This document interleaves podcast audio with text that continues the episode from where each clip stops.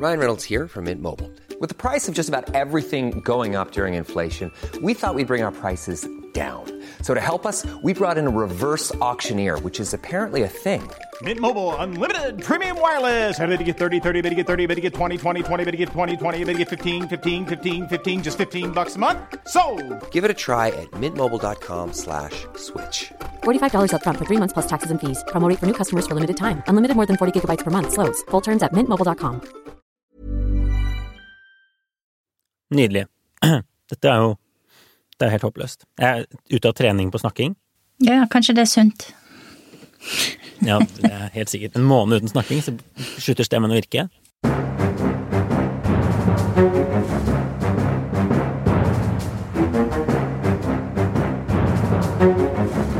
Da setter vi i gang med en ny episode. Aftenpodden USA. Kristina Pletten, du er på plass, på jobb og på hytta samtidig. God dag, god dag.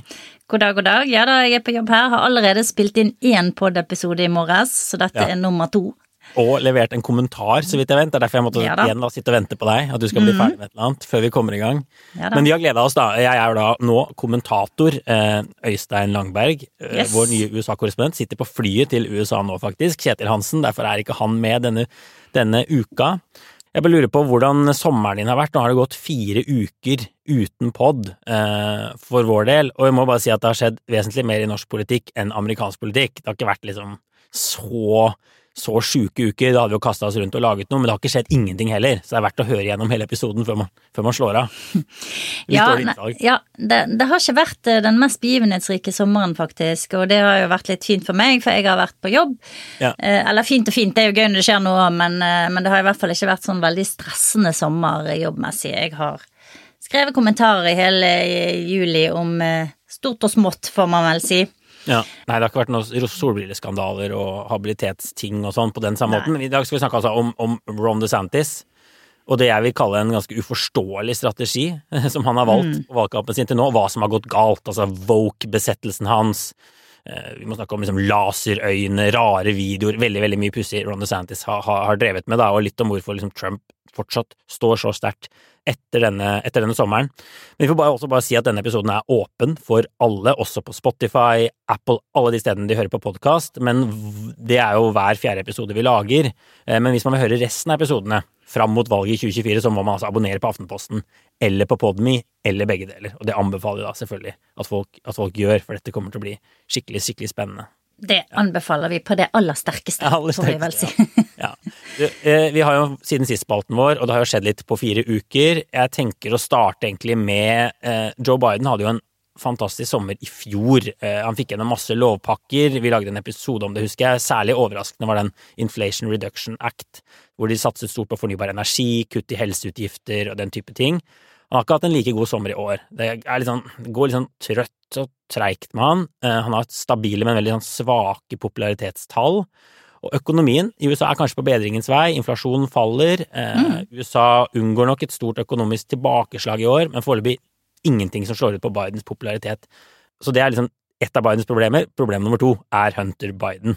Eh, siste episoden vi lagde før ferien handlet jo om Hunter Biden, etterforskningen mot han, at han nå endelig har fått eh, Den skal liksom legges ned, han skal inngå en sånn tilståelsesavtale, plea deal, plea bargain, hvor han erkjenner å ha brutt loven på noen områder, blant annet for våpenbesittelse og rote med selvangivelsen sånn, men så skulle liksom han slippes fri, da, og Biden skulle slippe denne klampen om foten. Og så var det veldig overraskende ting som skjedde i sommer. Altså, din dommeren avviste den tilståelsesavtalen og begynte å liksom stikke hull i den, og avdekket at eh, måte myndighetene og Hunters forsvarer hadde ganske ulike oppfatninger om en del av innholdet i den avtalen, og hvorvidt han kunne straffeforfølges videre på andre punkter og sånn. Så det var, eh, det var et ganske stort skudd på, for baugen for presidenten og for sønnen hans, tror jeg. Ja, ja, ja, absolutt. Og det var overraskende. Det eh, tyder jo på at det kan komme et lengre etterspill, eh, som du sier, og dette her fortsetter å bli en, eh, et problem for Joe Biden. Kanskje mest fordi at republikanerne er så utrolig opptatt av det, og konservative medier er så opptatt av det. Det er fortsatt ingenting som impliserer Biden, eller på noen måte indikerer at han har gjort noe ulovlig eller noe som ikke er riktig. Det er jo viktig å poengtere her.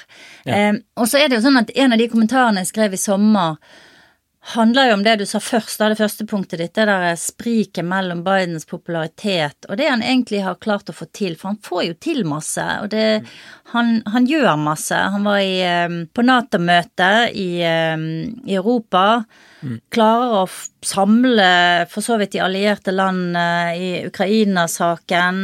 Inflasjonen er vel nå nede på 3% eller noe sånt. Den er i hvert fall veldig Den er i hvert fall mye lavere, ja. Mye lavere. Eh, de siste tallene på, på økonomisk Altså hvordan folk tenker om økonomien, hvordan, hvor mye de shopper og sånne ting, viser at det er eh, At det står bra til, rett og slett, med de mm. fleste amerikanerne der. Så det er en sånn merkelig disconnect mellom forholdene på bakken, det Biden får til i Kongressen, og hans popularitet og måten han fremstår, da, mm. sånn offentlig, som, som, som, er et problem for han, rett og slett, og blir et større og større problem. Ja, ettersom valget går nærmere og nærmere, og Trump ser mer og mer sannsynlig ut, og det er det vi skal snakke om i hovedbolken i, i dag, selvfølgelig, men mm. du har kanskje også et punkt på siden sist. Vi må jo også bare nevne Mitch McConnell. Ja. Eh, det har jo skjedd pussige ting i amerikansk politikk, i hvert fall, i sommer. Ja, altså han skulle holde en pressekonferanse i Kongressen, og midt i en setning så bare frosset han som en dukke. Ja. Og sto sikkert i sånn 20-30 sekunder og bare stirret rett fremfor seg. Og alle rundt begynte sånn hva skjer? Og så begynte noen av kollegaene å si sånn går det bra, Mitch, skal vi, skal vi mm. slutte? Mm. Og så tok de, han til, tok de han vekk og tok han inn på kontoret. Og eh, nestkommanderende John Toon fortsatte pressekonferansen. Mm. Litt seinere kom McConnell ut igjen og sa at alt var bra, ville ikke egentlig svare på spørsmål. Men han har jo hatt et fall eh, for ikke så veldig lenge siden der han slo hodet og fikk eh, hjernerystelse, så det er en del bekymring for helsetilstanden hans, og det tror jeg også bekymrer litt demokratene, fordi at selv om han har gjort ting som de ikke har likt, så er han allikevel en slags, faktisk en slags sånn modererende faktor nå, da, og en de føler de kan samarbeide med, og en Biden blant annet kjenner veldig godt. Så det har vært en del bekymring for McConnell og hans helse. Han er vel 81 år. Og jeg kan jo slenge på eh, samtidig at Dianne Diane Feinstein, som vi har snakket om før, som er snart 90, har jo kommet tilbake etter å ha hatt, eh, vært syk.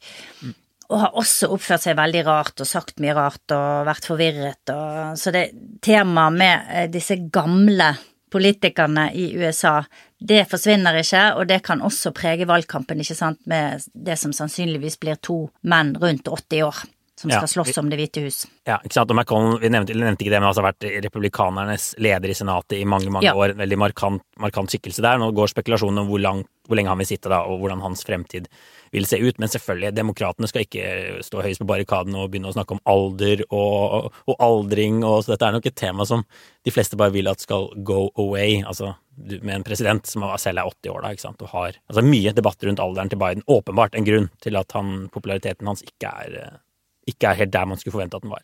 Men, men la oss gå over til uh, dagens hovedtema, da, og, og, Ron DeSantis sin haltende valgkamp. ikke sant? Han er mm. guvernør mm. i Florida fortsatt. Vi får si Han har ikke gått av. Han driver også og, og styrer den, den, delstaten. Han er og blir den eneste, sånn ting ser ut nå, reelle utfordreren til Trump. Han har i hvert fall vært fremstilt som det lenge. ikke sant? Vant dette brakgjenvalget i Florida i november som guvernør, og lå lenge så godt an på målingen at han pustet Trump i nakken. Når man spurte republikanere hvem vil du at skal være kandidaten i 2024, så hadde Trump og DeSantis på et tidspunkt nesten lik, eh, lik oppslutning. Og så har det bare rakna ganske bra. Det har i hvert fall vært en sånn gradvis nedtur hele det siste halvåret. Eh, på mandag kom det en måling fra New York Times som regnes som en av de beste i, i dette gamet når det gjelder meningsmålinger.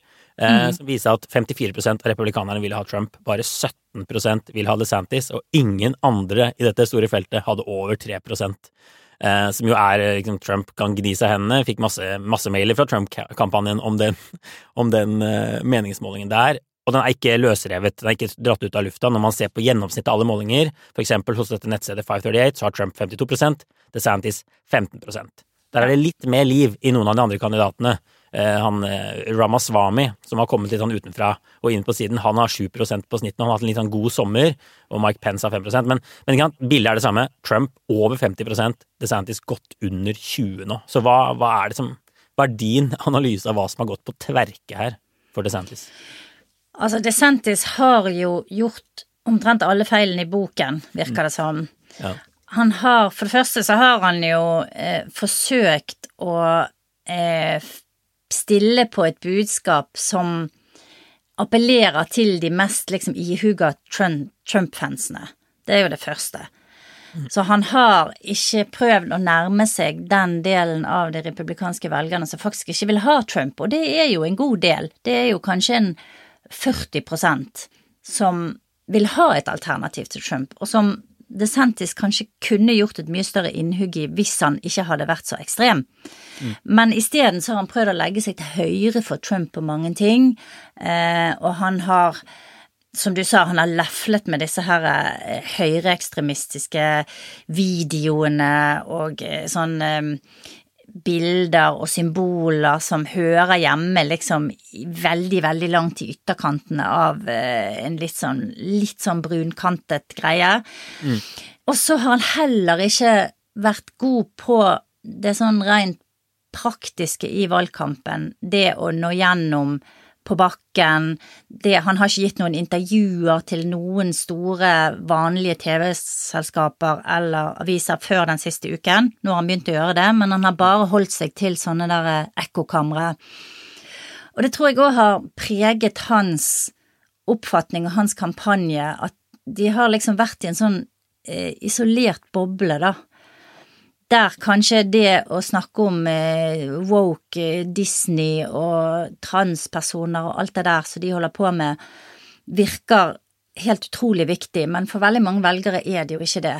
For bønder i Iowa, sant, så er jo ikke det kanskje det viktigste i verden. Og, så jeg tror det har vært en sånn fullstendig avkobling mellom de velgerne DeSantis trenger å nå, og det han faktisk har gjort. Nå skal jo han prøve å liksom resette det da, men Ja, han skal prøve å snu, snu skuta, ikke sant. Og, og vi sier, det er jo flere sånn, Når vi sier at det går elendig med kampanjen hans, så er det jo ikke sant, meningsmålingene viser det. Han har sparket masse valgkampmedarbeidere ganske nylig. Ja, han samler inn ganske mye penger, men svir Mm. Ja, også av sjukt, sjukt mye penger. Bruker mye penger også på altså, Har hatt sånne dumme saker om hvor mye privatfly han flyr, og liksom kaster bort, kaster bort eh, penger og sånn. Så, så, så, og, og som du sier, jeg har ikke snakket med mainstream media før nå, da, men de har liksom signalisert at det kommer en, en reset av uh, av kampanjen. Men du bare nevnte Woke. Jeg, jeg er helt enig. Jeg tror det er liksom, Han har hatt et veldig sånn snevert budskap. når han snakket. Det har blitt klippet sammen sånne videoer av hvor ofte DeSantis sier woke, ikke sant, og du kan finne hundre sånne woke, woke, woke, woke, eh, som kan se litt sånn idiotisk ut. Og det er litt rart å gå til valg på det i et, eh, et primærvalg som hovedsakelig er mot Trump. Han har forsøkt å stemple Trump som en som elsker skeive og transpersoner, ikke sant, og den type ting, ikke sant. Som en sånn liberal østkysttufs. Ja. Vanskelig å få velgerne til å tro på det, ikke sant. Det er en sånn pussig, pussig ting uh, å gå til valg på. Vi nevnte den der sånn video som har gått sin seiersgang som kampanjen til DeSantis retweeta, der de har sånn, du funnet noen gamle Trump-sitater hvor han sier han vil beskytte LGBTQ-folk. Og i den videoen starter med det, og så kom, klipper de inn bilder av DeSantis som skryter at han har fått avlyst pride-arrangementer og dragshows og alle disse tingene i Florida. Og enda mer så er det en sånn innoljede mannskropper, og det er noen sånne krigere som er klippa inn i den videoen. En ordentlig sånn mimete eh, internettsaus. Og det bare, bare til slutt så kommer det sånne laserstråler ut av øynene til DeSantis i, sin, i sin krig mot woke-ideologi, og tydeligvis eh, LGBTQ-folk og, og den type ting. Eh, som han måtte ut og forsvare etterpå. Ja, og, og det, da, det skal sies at det var ikke hans kampanje som laget den videoen, men de videreformidlet den. Ja. Men det som var i den videoen, er jo sånne der memes som sirkulerer i visse miljøer på nettet, som, som er dominert av litt sånn derre eh, ja, mannstunge, litt sånn høyreekstreme typer, som er opptatt av eh, maskulinitet og debatten rundt maskulinitet, og har sånne derre har sånne nye sånne forbilder, for eksempel eh, Brad Pitts karakter fra Fight Club. Ja, han var klippet, Og, og klippet inn ja, han var klippet inn. Og så han der um, Christian Bale fra, fra American Psycho, eh, Leonardo DiCaprio fra Wolf of Wall Street. Det er sånne, sånne menn som liksom går sine egne veier og bare gjør som de vil, og, og er tøff og litt voldelig og litt sånn Altså, det er, eh, det er en veldig rar greie å blande inn i en valgkamp. Ja. Eh, Og- men og det tyder, unnskyld, men det tyder for meg på at han, at han har beveget seg inn i et ekkokammer, eller at han har folk rundt seg som lever litt i det ekkokammeret som kanskje Elon Musk også til dels er en del av, mm. og, som, og, som, driver med dette sånn Det er delvis seriøst, det er delvis tull, ikke sant, det er litt sånn ironi, det er ikke godt å vite hva som er hva, men for det breie lag av folket så tror jeg det der blir bare forvirrende og litt sånn på siden av det som er viktig. Ja, og særlig at Trump skal, budskapet er at Trump er en sånn stor venn av denne bevegelsen. Det er ikke mange som kjøper det heller, på en måte, at han har vært så utrolig soft med minoriteter. Så det er litt, an, litt, litt rart. Men det har vært flere sånne rare feiltrinn. Du har også hatt sånn runde på slaveri eh, i Floridas nye læreplan.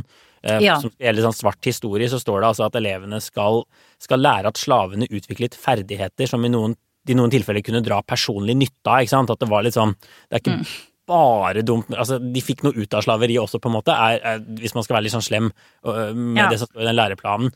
Vanvittig runde, mye kritikk selvfølgelig fra venstresiden, men også fra markante svarte politikere blant republikanerne, som da DeSantis igjen har angripet tilbake ikke sant, og legger seg ut, men de få Tim Scott, blant annet, var vel ja, ja og, og, han stiller jo som kandidat mot DeSantis, ja. da, så det er jo også noe politikk inni her.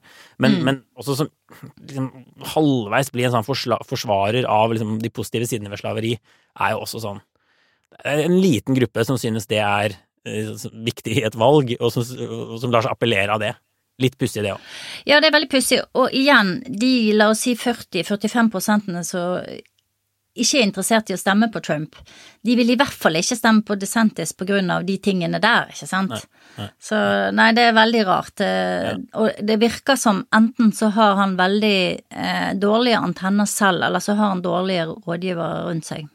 Eller begge deler. Bare, Eller begge deler. Jeg, tenkte å nevne et eksempel til som var interessant med New York Times-målingen også, fordi DeSantis har vært veldig opptatt av å angripe selskaper, amerikanske selskaper som han mener er venstreorientert og pusher woke-ideologi, ikke sant. Siste mm. ut nå er denne bryggerigiganten Inbev, heter de vel, altså de som lager blant annet Bud Light, da, dette store, populære amerikanske ølet, som mm hadde en kampanje sammen med en kjent transperson eh, tidligere i år, og som førte til en vanvittig backlash fra høyresiden, hvor de skulle ja, boikotte og brenne og krøsje dette ølet i, i, hagen sin og i, i hele pakka.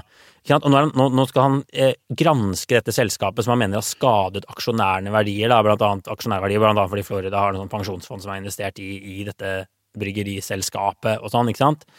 Og det som er interessant bare i den eh, New York Times-målingen, er at selv republikanske primærvalgsvelgere synes kanskje ikke så mye om det der å bruke staten til å angripe selskap på den måten. Det bryter veldig med den republikanske måte, grunnideen om fritt næringsliv. Og når velgere blir spurt eh, om de helst vil ha en kandidat som holder fingrene fra næringslivets fat, eller som straffer selskaper som driver med venstreorientert ideologi, så er det et flertall som sier at de vil ha noen som holder fingrene fra fatet. Så det er ikke sikkert eh, DeSantis engang treffer tidsånden i sitt eget parti med disse utspillene. Det er liksom interessant, og kanskje noe han bør ha med seg, da. Han har gått veldig langt i å begynne å ville detaljstyre næringslivet. Ja, det har han, og det er helt riktig som du sier. Det, det er egentlig i strid med alle prinsipper, og det er jo også ehm, det gjør det jo også vanskelig da å skulle argumentere på andre felt for at staten ikke skal gripe inn eh, og, og, liksom være en aktiv eh, Spille en aktiv rolle, f.eks. når det gjelder helse eller skole, mm. eller eh, andre ting. Altså han, han, sier jo på den ene siden at foreldrene skal få mer eh, makt over eh, pensum på skolen, og på den andre siden så går delstaten inn og dikterer hva som skal stå i lærebøkene, og hva ungene skal lære på skolen. Så det er en sånn selvmotsigelse her, så det vil bli ganske lett, tror jeg, for de andre kandidatene å ta han på. Mm. Eh, og så samtidig så har jo du dette med, med velferdsstaten, Medicare, Medicaid, Social Security, som DeSantis tidligere har sagt at han vil redusere, og eh, han har delstaten Florida eksempel ikke tatt imot penger fra Obamacare. Det er et stort punkt som han kan angripes på. Så han, han har noen sånne Han har liksom åpnet opp noen veldig store hva skal jeg si, muligheter for de andre til å angripe han. Mm. Som det blir veldig vanskelig for han nå å gå tilbake på å lukke, og lukke igjen. Så han, han For meg så ser han ut som en veldig svak kandidat nå. På den annen side så er han fortsatt ganske populær, da. Det viser jo disse målingene. Han har høy sånn likeability, og det er mange republikanere som syns han er en bra mann, og han har tross alt ja, mellom 15 og 20 så han er ikke helt ute av gamet. Nei, jeg tenker hvis man skal liksom lese den New York Times-målingen så positivt som mulig, så er det at mange liker DeSantis. Ja. Det var vel de som skrev at uh, de liker DeSantis, de elsker Trump, og der ligger noe av, noe av problemet hans. Uh, og så peker også New York Times på at hvis man deler opp disse velgerne, så er det sånn 37% som er sånn die hard Trump-supportere, aldri vil forlate han, de elsker Trump, de skal 100% sikkert stemme på han.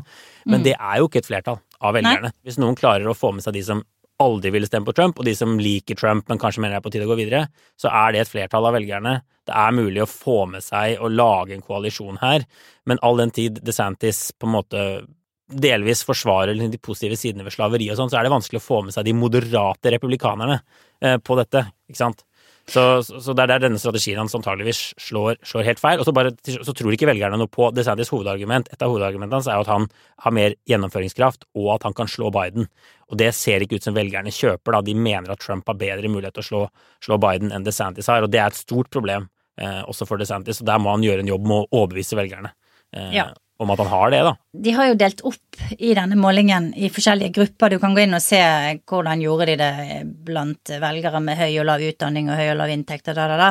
Mm. Og de gruppene som DeSantis faktisk gjør det best mot Trump, er jo grupper med høy utdanning og høy inntekt, som tyder på at han har eh, et visst potensial i suburbia blant, blant mer moderate velgere, da. Men da må han ta en annen posisjon. Han må trekke inn mot midten. Han må snakke mer om økonomi, han kan snakke om kriminalitet, han kan snakke om innvandring for den saks skyld. Og kanskje skatter, ting som den type gruppe velgere er opptatt av, da. Men de er mm. ikke så opptatt av, tror jeg, å, å, å sitte liksom Altså, de vil ikke stemme på grunn av noe transpersoners rett eller ikke rett til ditt eller datt. Og det andre, jeg, eh, andre poenget som jeg, jeg, tenker er litt viktig nå, det er at DeSantis har vist så mye svakheter at det kan hende at en guvernør som Brian Kemp i Georgia eller uh, Glenn Youngkin i uh, Virginia hopper inn og mm. ser sitt snitt nå til å Kanskje. Det er det dette feltet trenger. Mer folk. Det, det jeg, jeg, jeg, ser mye, jeg ser mye jeg ser mye sladder om det, da, eller mye, ja. mye sånn kvitring om det rundt omkring, at uh, både, både Camp og Youngking sitter og liksom teller på fingrene. Ja, så tolkes det litt forskjellig, denne resetten til DeSantis. De fleste peker på at folk som har gjort sånne grunnleggende resetter, sparka masse folk, de har gått til grunne etterpå. Eh, ja. Problemet er kanskje DeSantis, hans personlighet, hans politiske instinkter. Mm. Men det er noen som har klart å snu, snu kjerringa, blant annet eh, John McCain han hadde ja. også en lignende reset og kom tilbake. Så, så, ingenting er umulig, men klart Trump har bare en vanvittig sterk, eh, vanvittig sterk posisjon. Og det er ingen, det er ingen, tror jeg, noensinne, i hvert fall ikke siden, i moderne tid, siden de har begynt å ha såpass gode meningsmålinger, som har klart å ta igjen et sånt forsprang som Nei. Trump har nå, på nesten 40 prosentpoeng. Hey, I'm Ryan Reynolds. At Mint Mobile, we like to do the opposite of what Big Wireless does. They charge you a lot. We charge you a little. So naturally, when they announced they'd be raising their prices due to inflation, we decided to deflate our prices due to not hating you.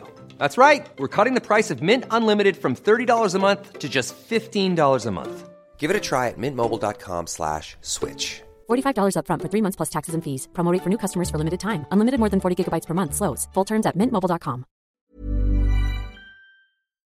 Ja, Vi har jo nevnt Trump flere ganger allerede. Vi må jo bare liksom si litt hva han gjør riktig, da. Uh, altså, han samler inn enorme beløp. Det viser disse, disse, innsamlingstallene som kommer da hvert kvartal.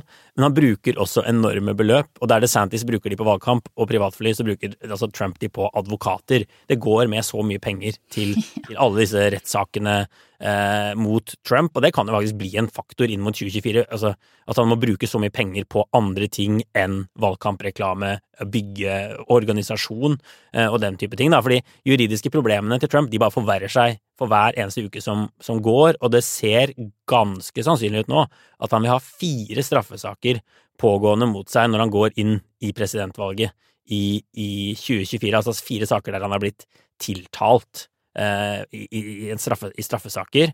Eh, vi har nevnt de to første eh, tidligere i år. Det er denne saken i, i New York om hysjpenger. Eh, og så er det den saken om hemmeligstemplede dokumenter på Mar-a-Lago, hvor det nå har blitt eh, De har liksom skrudd til tiltalen nylig, lagt til flere punkter der, blant annet at han forsøkte, å, eller han skal ha, forsøkt å, slette sånn overvåkningsvideomateriale der. Eh, film, rett og slett, fra overvåkningskamera. Også noen nye detaljer rundt hvor langt han har gått for å vise fram disse dokumentene, da, og hva slags dokumenter han har, han har hatt. Eh, men det er bare to saker til også som egentlig alle går og venter på. Det kan komme når som helst. Den kan ha kommet idet folk hører denne poden. Mm. Det ene gjelder denne etterforskningen av det som skjedde rundt 6. januar. For der er det ikke blitt tatt ut noen tiltale mot Trump ennå. Altså valgløgner pluss stormingen av, av Kongressen. Og så går alle og venter på en sak fra Georgia rundt forsøk på å få ja, myndighetspersoner i Georgia til å gi Trump flere stemmer, da, sånn at han skulle vinne valget. Denne telefonen han tok, blant annet, litt sånn truende, truende telefonen.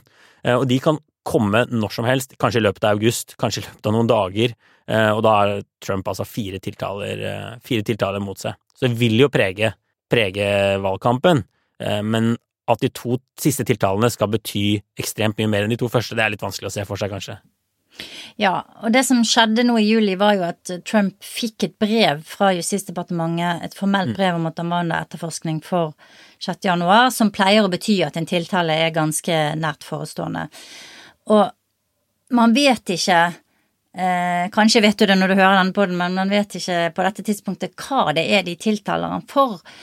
Eh, og, og, vi har jo snakket litt om dette her før, men så lenge det ikke kommer noe nytt, så lenge det ikke legges på bordet noen nye bevis for at Trump har gjort noe ille som vi ikke vet om, eller sagt noe som Altså at de plutselig har et sånn Watergate-tape, for eksempel, et eller annet sånt, ja. så tenker jeg at dette her egentlig på en eller annen absurd måte bare styrker han. Jeg har sagt det før. Han samler inn penger på det. Det, det bygger opp under hans narrativ om at alle er ute etter å ta han, at den dype staten jobber imot han, at Biden bruker liksom Justisdepartementet til å prøve å senke liksom den folkelige bevegelsen som Trump står for.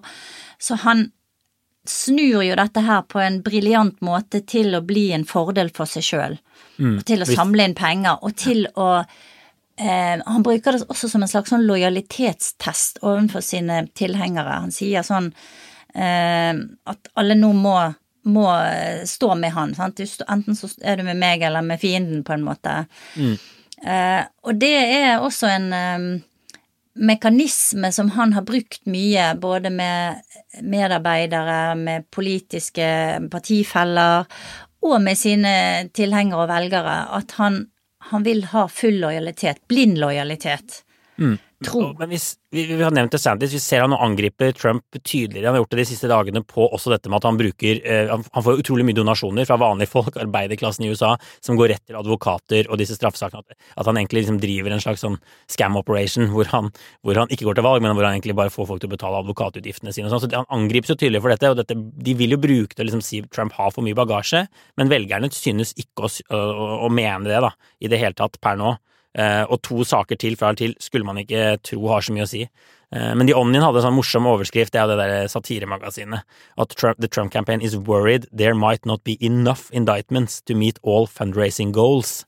Så for du ser på disse dagene hvor det kommer en tiltale, så spretter pengeinnsamlingen i været ja, ja. for Trump. Så nå, de trenger kanskje disse to tiltalene til da, for å holde det gående fram til, fram til uh, jul. Men jeg bare til slutt har lyst til at vi skal ta et, et skritt tilbake, for det er et spørsmål jeg får fra mange som, som synes vi har blitt veldig liksom, inn i amerikansk politikk på et eller annet nivå og bare tar det for gitt at Trump er så populær. De lurer på liksom, hvordan er det mulig at Trump fortsatt har 50% i eget parti etter alt det som har skjedd. Så jeg tror det av og til er viktig at vi bare tar et skritt tilbake og prøver å forklare hvordan kan han fortsatt være så populær over halve partiet. Det er stor flertall av republikanere som liker Trump. Over halve partiet sier de skal stemme på han igjen. Han har snart muligens fire tiltaler eh, imot seg. Masse beviser også. Han kan, han kan ryke på noen smeller i disse sakene, da, for å si det sånn. Etter stormingen av Kongressen 6. januar, mange nordmenn føler jo at USAs demokrati vakler, men han kan eh, fort bli kandidat igjen, og muligens slå Biden. Mm. What's your answer? Er det nå jeg skal svare på dette? Dette har vi brukt mange mange år på å forklare, da. Ja, ja, ja. ja. Altså, jeg har jo allerede nevnt lojalitet, som jeg tenker er en litt sånn undervurdert faktor. Det at han har skapt en bevegelse der du er et medlem. Du har til og med en uniform, sant. Du har en rød caps, du har eh, når du, Både du og jeg har sett dette mange ganger på Trump rallies. De har sånne faste ritualer, ting de roper, ting de gjør. Um, så det er en slags ja, som å være branntilhenger, da. Sant? Det er, det er, det er en følelsesmessig tilknytning. Hva sa du nå? ja, I tykt og tynt, da, ikke sant. Selv om du rykker ned og mister jobben. Og i mye tynt. Ja. ja, ja. Det tenker jeg er liksom rammen rundt det, og det som har gjort at han har klart å holde på de. Han er noe annet enn en politiker som bare sier 'jeg vil gjøre ABC', dette mener jeg, hvis du er enig med meg, så stem på meg. Trump sier 'vær på mitt lag'. 'vær med i min bevegelse og tro på det, tro på det jeg står for.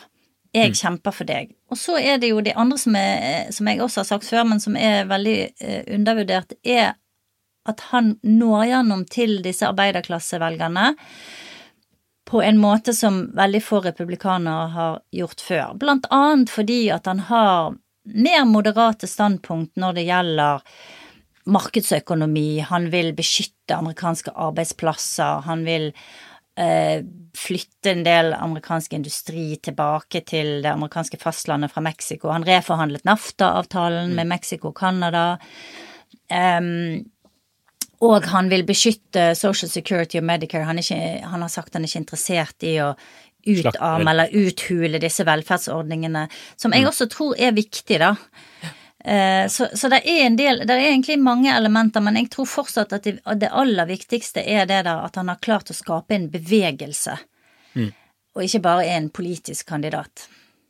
Nei, jeg tror du har helt rett, og, og DeSantis er en politiker, eh, og Trump er det ikke på, på, samme måte, fortsatt ikke. Og så synes nok en del oppriktig at økonomien var veldig god under Trump. Ja da. Eh, og man kan si med rette, ikke sant, fram til pandemien og sånn. Det var mye som gikk mye som gikk bra, og så synes de kanskje ikke disse andre tingene, demokrati og sånn. For det første er det jo veldig mange som bare ikke synes at mener at Trump var ansvarlig for 6. januar, og at han ikke har gjort noe galt. Det er jo mange som mener det, men også at de er ikke er viktige nok. ikke sant? Økonomien er viktigere. Det er for fjernt, disse liksom liberale ideene om demokrati og, og disse tingene. De vil ha tilbake en som kan liksom fikse økonomi og Og så er ikke det sikkert at mange av disse Trump-velgerne ser i sin hverdag at de har så mye frihet, og at det som eh, Når man snakker om liksom den føderale staten, og at de, at de ser så mye positivt fra den, da. Mm. Sant?